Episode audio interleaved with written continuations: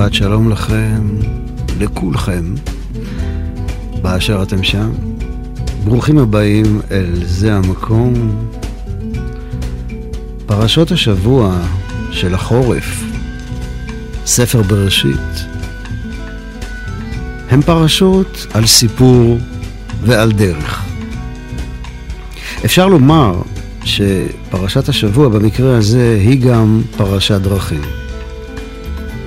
והנה הפרשה שלנו השבוע מתחילה במילים האלה: ויצא יעקב מבאר שבע, וילך חרנה, ויפגע במקום, וילן שם.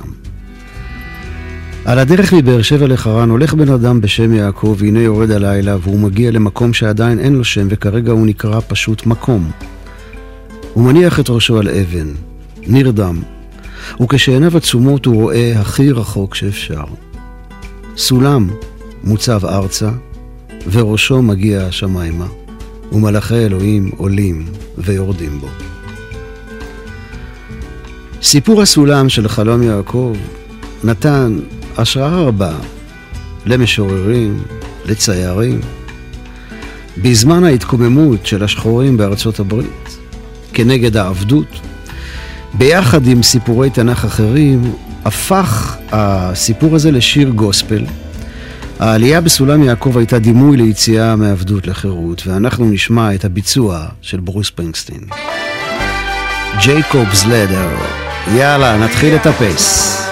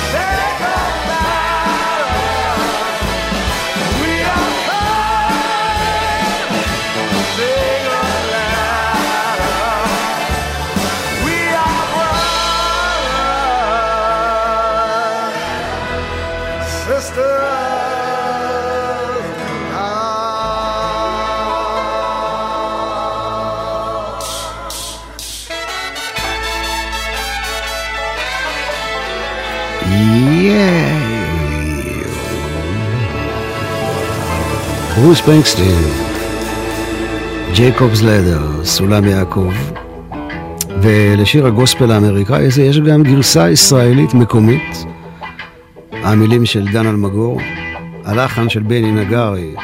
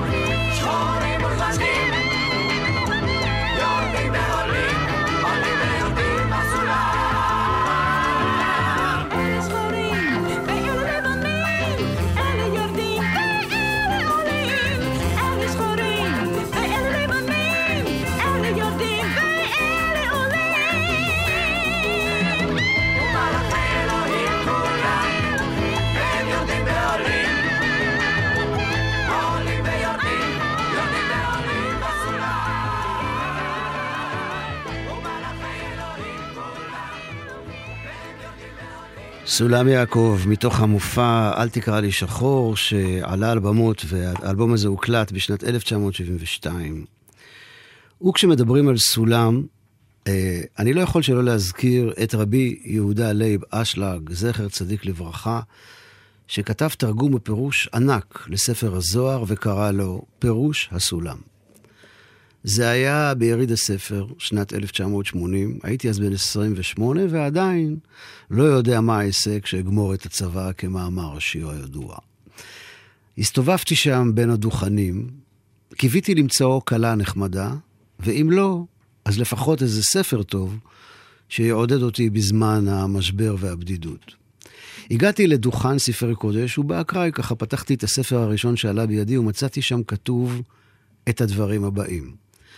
ברש מילים מצאתי לי צורך גדול לפוצץ מחיצת ברזל המצויה ומפסקת בינינו לבין חוכמת הקבלה.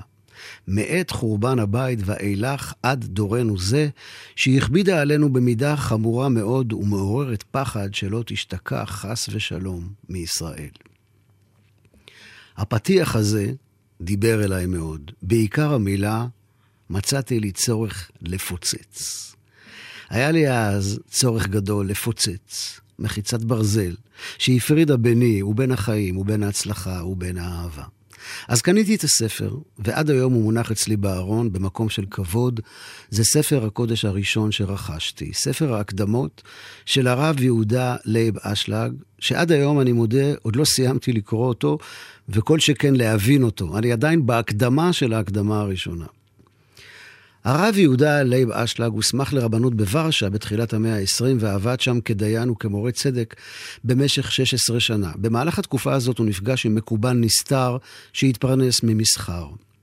הרב אשלג קורא לו בכתביו מורי הקדוש זצ"ל. ממנו הוא למד את חוכמת הקבלה. לאחר פטירתו של המורה, אה, אשלג עלה לארץ ישראל עם רעייתו, זה היה בשנת 1921, הוא התיישב בעיר העתיקה בירושלים. בהתחלה הוא התפרנס מעיבוד עורות ומייצור של סבון באמצעות מכונה שהביא איתו מפולין. אחר כך הוא התמנה על ידי הרב קוק לרבה של גבעת שאול, והוא קיבץ סביבו קבוצה של אנשים נבחרים והעביר להם שיעורים בחוכמת הקבלה. אמנם, יש לציין, לא מדובר כאן על קבלה מעשית ולא שימוש בשמות וקמעות, אלא בקבלה עיונית, תיאורטית, למדנית. בשיטה כמעט מתמטית שדורשת השקעה רבה בהבנתה, כמעט כמו ללמוד פיזיקה גרעינית. לבעל הסולם הייתה קרבה מפתיעה לרעיונות סוציאליסטיים ואפילו קומוניסטיים. הוא טען שזו הדרך לקיים את עניין הערבות ההדדית שאנחנו מצווים עליה, כל ישראל ערבים זה לזה. לקידום הרעיונות המהפכניים האלה של שילוב דת, קבלה וסוציאליזם, הוא נפגש עם בן גוריון, זלמן שזר, משה שרת, ארלוזורוב, מאיר יערי וחיים נחמן ביאליק. בן, בן גוריון כתב שהוא אה, נפגש עם אשלג הרבה פעמים, והוא אמר, אני רציתי לדבר איתו על קבלה, אבל הוא דיבר איתי על סוציאליזם. הרב אשלג נפטר ביום הכיפורים בשנת תשט"ו, 1954, והוא נקבר בהר המנוחות בירושלים. והוא היה גם מוזיקאי שחיבר ניגונים נפלאים, והנה אחד מהם, אל מסתתר, הביצוע של אבי מזור ודני ויצפלד. Thank you.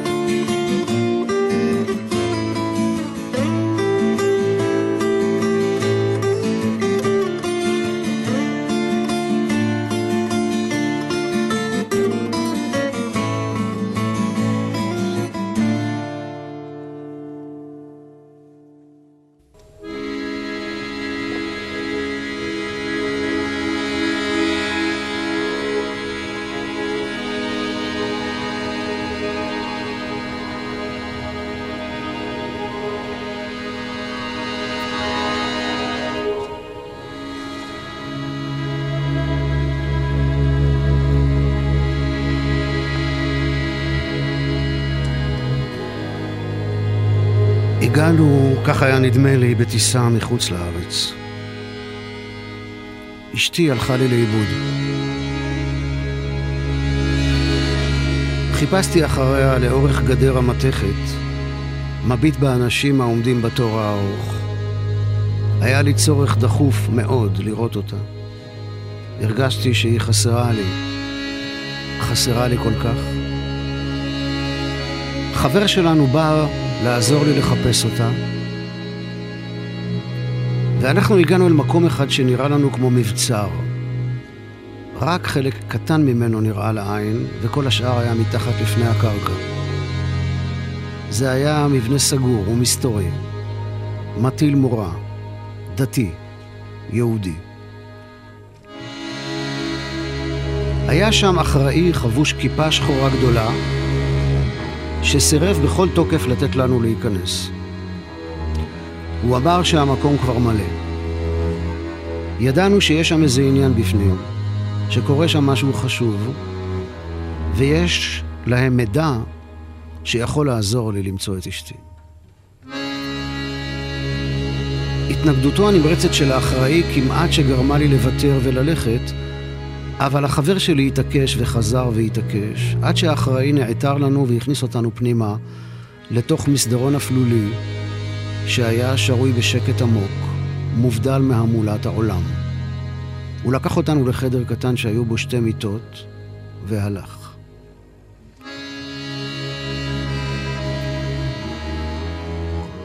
יצאתי אל המסדרון הצר שליד החדר, הלכתי לאורכו עד שהגעתי לרפת.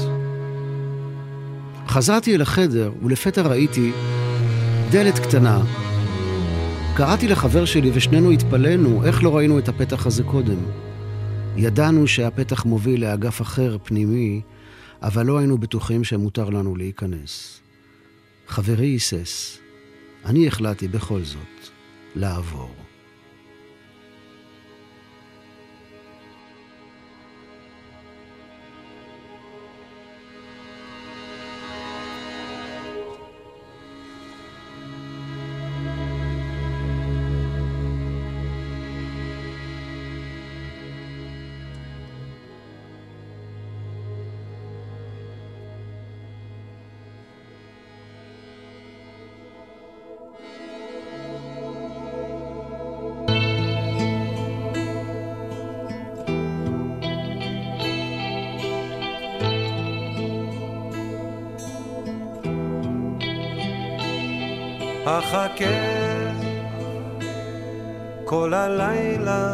אחכה,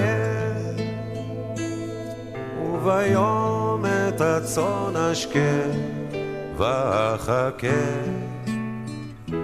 זמן ישתוק, ושנה כמו יום תחלוק, וליבי לא יחדל אהוב אותך רחל.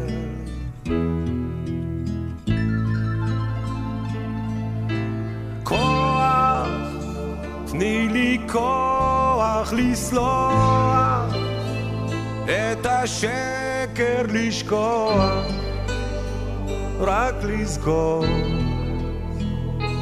כי האבן לא הייתה כבדה אז בשדה, כשפגשתי בה אור אחר, אך הקבע יחר. וקולי יעקב בלב אחרי רחל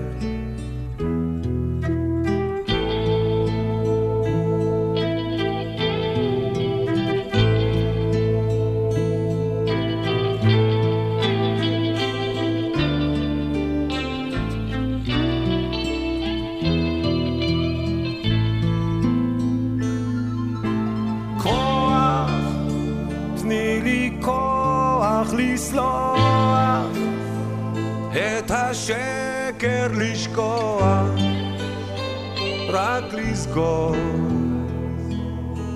כי האבן לא הייתה כבדה אז בשדה,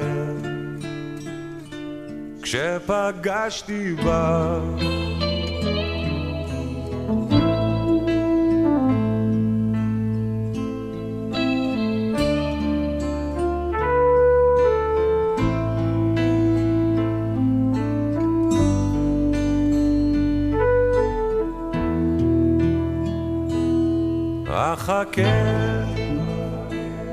כל הלילה אחכה, וביום את הצאן אשכה, ואחכה לרחל.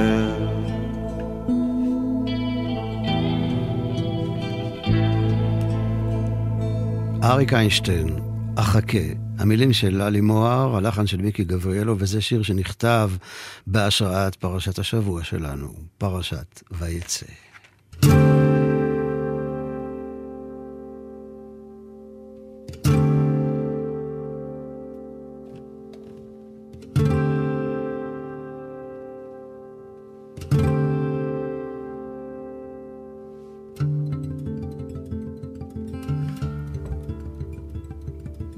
כלל אה, אני לא נמשך לאקטואליה, ואוהב לעוף בזמן למקומות וזמנים אחרים, כאלה שהיו ועדיין ישנם, כאלה שעוד יגיעו ועדיין אינם, אבל לפעמים, בתוך, בתור אזרח עובד גלי צה"ל, אתם יודעים, גלי צה"ל, מה שקורה עכשיו, אז אני מרגיש מחויב לראות קצת חדשות פה ושם, אמנם עיתונים אני קורא בדרך כלל מחוץ לבית, תוך כדי אכילת שווארמה או מסבחה. בכל זאת, הבן אדם צריך להיות קצת מעודכן, לא? אבל אז אני נתקל שוב ושוב במחול השדים הזה, של מה זה אמר על ההוא, מה הוא אמר על זה. היפסטר תימהוני מתכתש עם פשיסט הזוי, וכל זה במקום שיהיה דיון אמיתי, רציני ומכובד. לאן, ריבונו של עולם, לאן מועדות פנינו?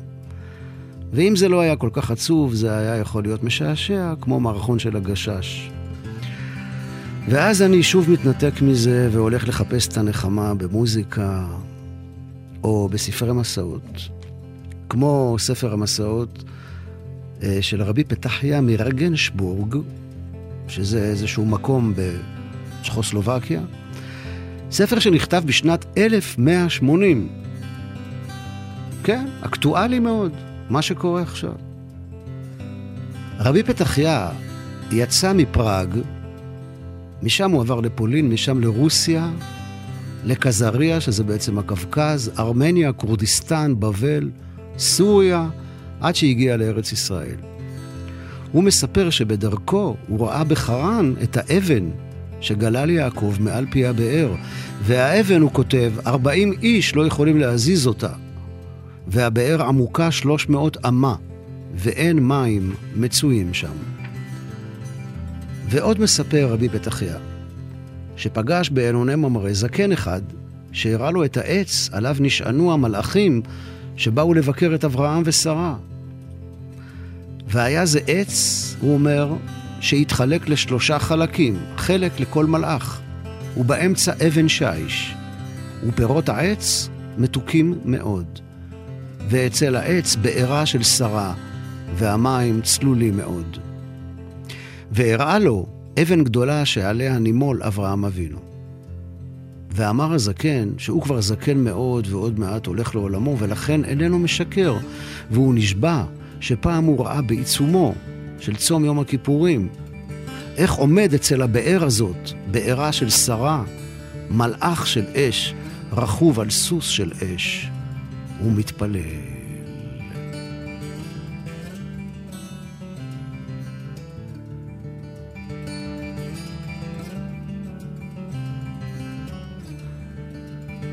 כאן יעקב פגש את רחל, וציפורה את משה.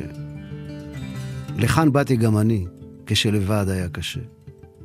כאן חיכתה לי ילדתי, והושיטה לי את הכד. יש באר אחת נסתרת, בתוך סבך, ירוק לעד.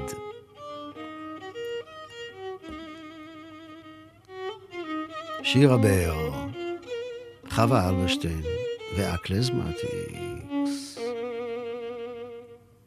Dort wie groß sind seine Nester, steht der Krenitze vertrag. Kommen Mädlich ziehen Wasser mit ihr mehr alle Nacht. Und der Sonne wie weiße Beeren wachsen Tegen größen soll. Und eine Weitkeit von die Sternen tanzen ja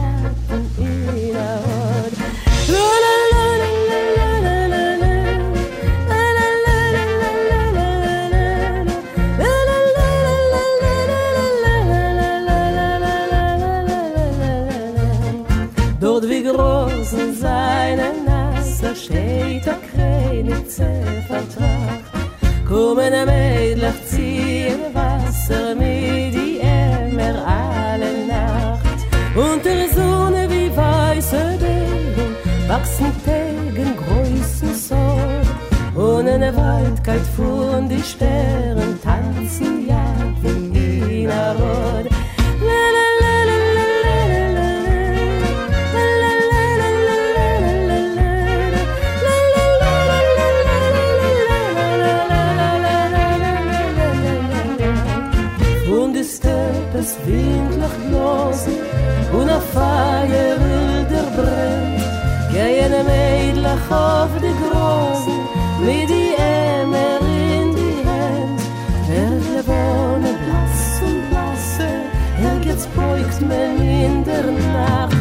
Dort wir grasen seine Nasser steht a Krenitze vertraut.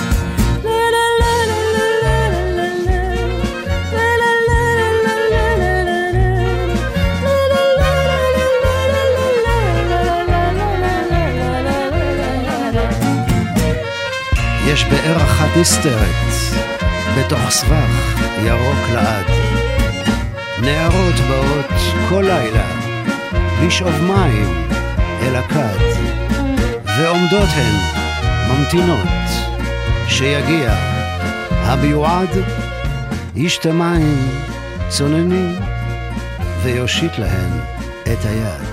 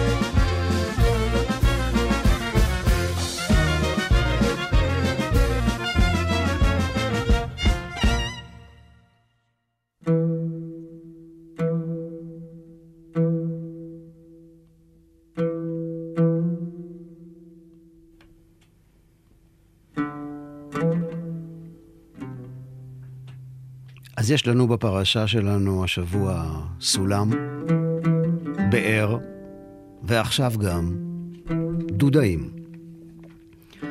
ראובן, בנו הבכור של יעקב, מביא דודאים שמצא בשדה לאמו לאה. רחל מבקשת מאחותה לאה קצת מהדודאים, ולאה אומרת לה, לא מספיק שלקחת ממני את יעקב, עכשיו תיקחי ממני גם את הדודאים? ואז רחל מציעה לה שתמורת הדודאים, יעקב יהיה הלילה עם לאה, למרות שזה התור שלה, של רחל. אז מה הסוד של הדודאים האלה שרחל הייתה מוכנה לוותר בעבורם הלילה עם יעקב? האם הם באמת סגולה לפריון? לפי הבוטניקה, הדודאים שייכים למחלקת הדו-פסיגיים, לסדרת אצינוראים ולמשפחת הסולניים. זו משפחה באמת טובה, תאמינו לי, אני מכיר אותם, את הסולניים האלה. הדודאים נקראים גם אה, הדודה הרפואי, בניגוד לדודה אחרת שלא ניכנס אליה כרגע, שהיא לא כל כך רפואית, היא צריכה רפואה, דודה אחרת. השורש שלהם מעמיק באדמה עד שתי מטר, וסביב השורש אה, צומחת בתחילת הסתיו, עכשיו, או כבר סוף הסתיו, שושנת עלים שהם כאלה גדולים ומקומטים מאוד, והצבע שלהם ירוק כהה. הפרחים של הדודאים פורחים בדצמבר, פחות או יותר, והפירות מבשילים בסביבות יוני, ויש להם צבע כתום חזק. כשהם בשלים, אפשר לאכול אותם, אבל צריך לשים לב, בתוך הפרי יש חרצנים שחורים, שהם החלק המסוכן של הצמח, הרעיל, שממש ממש לא מומלץ למאכל. מעבר לאזכור שלו בתורה, הצמח הזה מופיע גם בספרות היוונית והרומית, השתמשו בו לרפואה, לבעיות פריון, שיקוי אהבה, סם הרדמה, כישוף, טיפול בשדים ורוחות, וואי עליי. אסף הרופא כתב, דודאים נקראים בלשון ארם יברוכין, ובכל לשון אחרת מנדרגורה. ובאמת סיפור המחזה מנדרגולה של מקיאוולי מבוסס על הסגולות של צמח הדודה הרפואי. ואני ראיתי פעם אחת דודאים בשדה, כשיצאתי עם ידידי היקר ג'ולט סמען לטיול בשדות האור שליד גוש חלב. כמובן שלא הייתי יודע בכלל שאלו דודאים, אה, אלמלא ג'ורג', המומחה לצמחים, שהראה לי אותם. בגמרא כתוב, מהי דודאים? אמר רב, יברוכי. לוי אמר, סיגלי.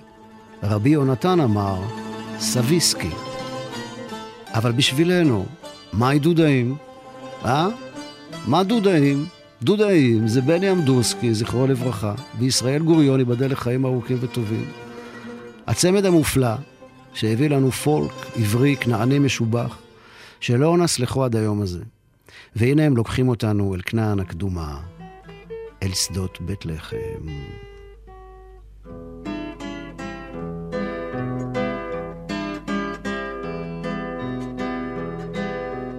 אור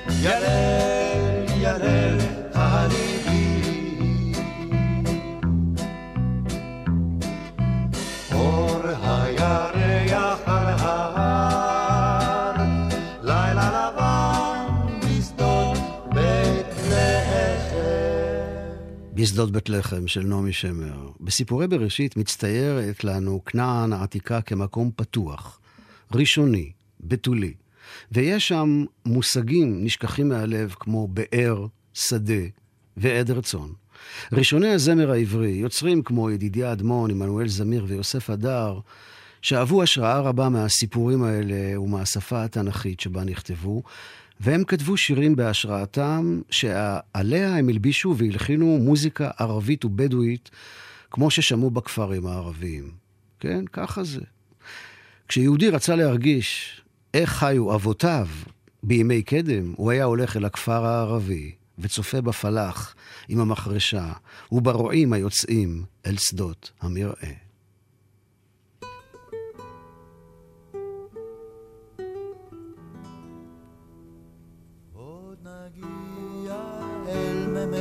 הנחל, הכבשים צמאו בנהרים, מה ירוק הדשא כאן פורחת, השיטה אלה מול העדרים.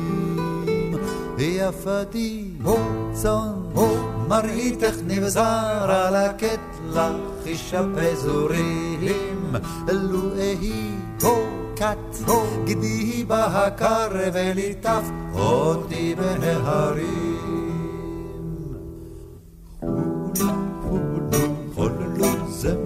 שירו שלגז, הו, צמר יערם עד הנגמר, כל נוקד עלז, הו, יד ביד רואים רקדו, הם יד חצון בקעה שם, מהבנות בקר חמדו, לאלוהים נחשן יצאה, בר, פולו פולו פולו זמר שירו שלגז, הו, צמר יערם עד הנגמר, כל נוקד עלז. מהנחל, הכבשים צמו בין ההרים, מה ירוק הדשא כאן פורחת, השיטה אל מול העדרים. יפתי, צאן, מראיתך נבזר על הקטלה, חישה בזורים, אלוהי כאן, גדי בקר וליטפת אותי בנהרים.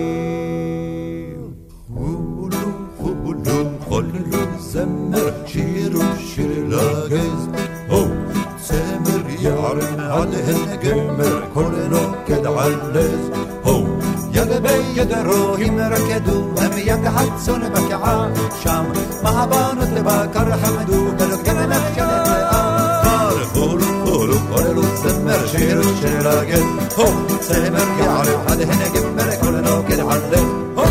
oh. אנחנו עכשיו עם הרכב שנקרא שלוש נשים, שלוש שפות אם. ההרכב הזה מורכב משלוש נשים באמת, אחת מהן דנה קרן, שהיא ילידת הארץ, עם שורשים בתימן.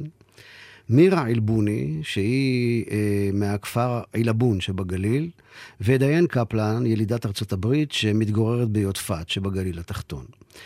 והן שרות יחד ומלקטות וכותבות שירי שלום ותפילה בשלוש שפות, עברית, ערבית ואנגלית. השיר הבא נקרא "אהבה ידעת", המילים של מירה אלבוני, השירה של שלושתן, מירה, דיין ודנה, והלחן גם של שלושתן, שלוש נשים, שלוש שפות אם. thank you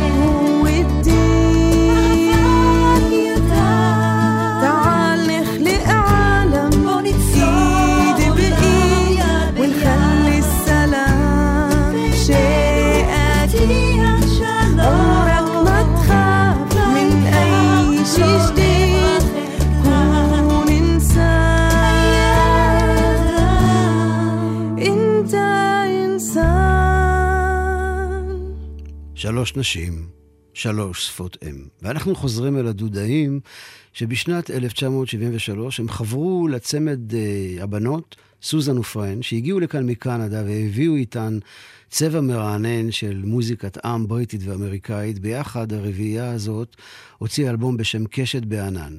שירי עם מתורגמים לעברית, ברובם על ידי יעקב שבתאי. ואנחנו נשמע שיר עם אירלנדי שנקרא שלושה עורבים.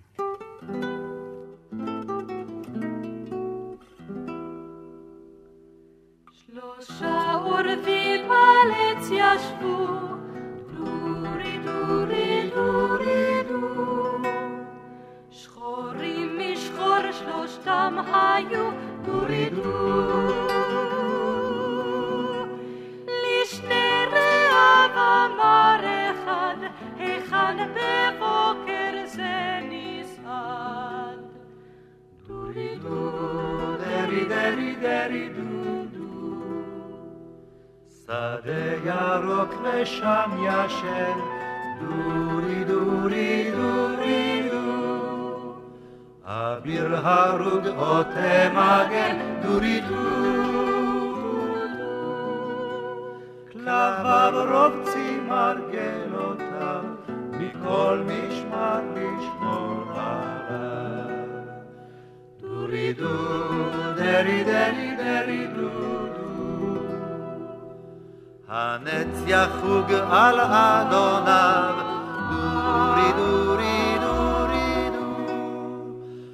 לבל שום עוף אליו יקרב,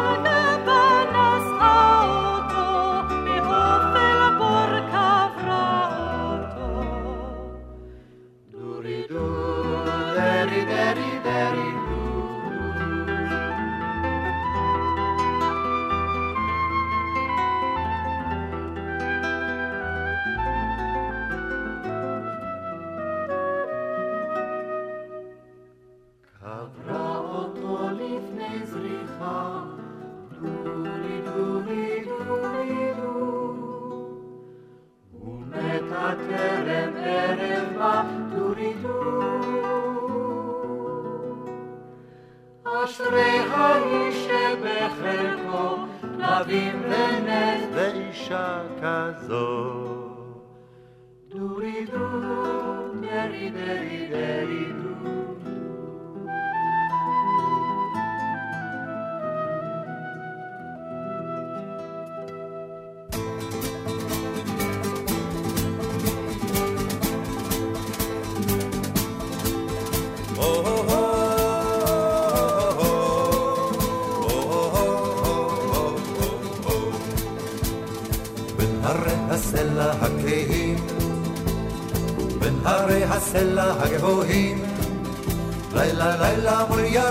הפולח באבים, תתעורר שיירת הרוכבים, הם רוכבים ושרים לרגלי הרים, הם רוכבים, הם רוכבים לבדם, שם בוואדי מול הים. ליבם כה מעצבת, גבם עייף עד מוות, ומבטם תוהה בכוכבים. אבל אל מול הרוח, כאיש אחד תנוע, תנוע לשיירת הרוכבים. הם רוקדים ושרים לרגלי הרים. הם רוכבים לבדם, שם בוואדי מול הים.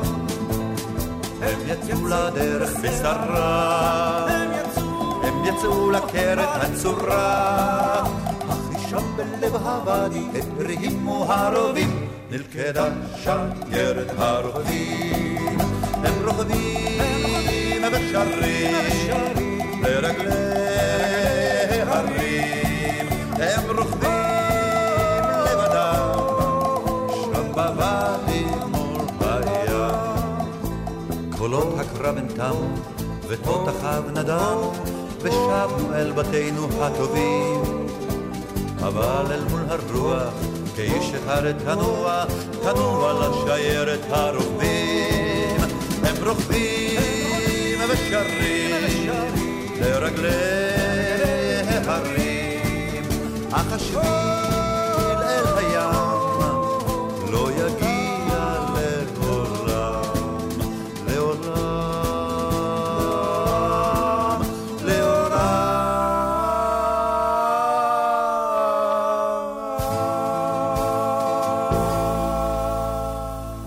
שיירת הרוכבים, אה, המילים של נעמי שמר, לחן של שמעון ישראלי, כן, הדודאים.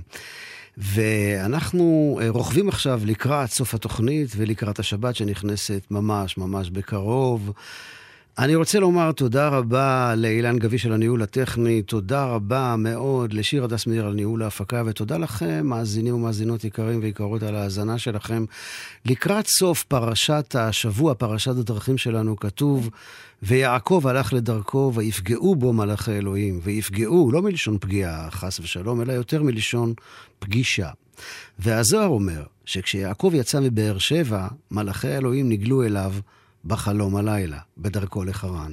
אבל עכשיו כשהוא חוזר אל ארץ כנען, שבהמשך תיקרא על שמו ארץ ישראל, הוא פוגש את מלאכי האלוהים במציאות, ולא בחלום. ובכל מקרה, ככה או ככה, במציאות או בחלום, החיים האלה הם טיול לילי. ואנחנו הולכים לקראת שבת. אז יהי רצון שמלאכי שלום, מלאכי רחמים, ילוו אתכם במשך כל השבת הזאת ובמשך כל השבוע. סלמת.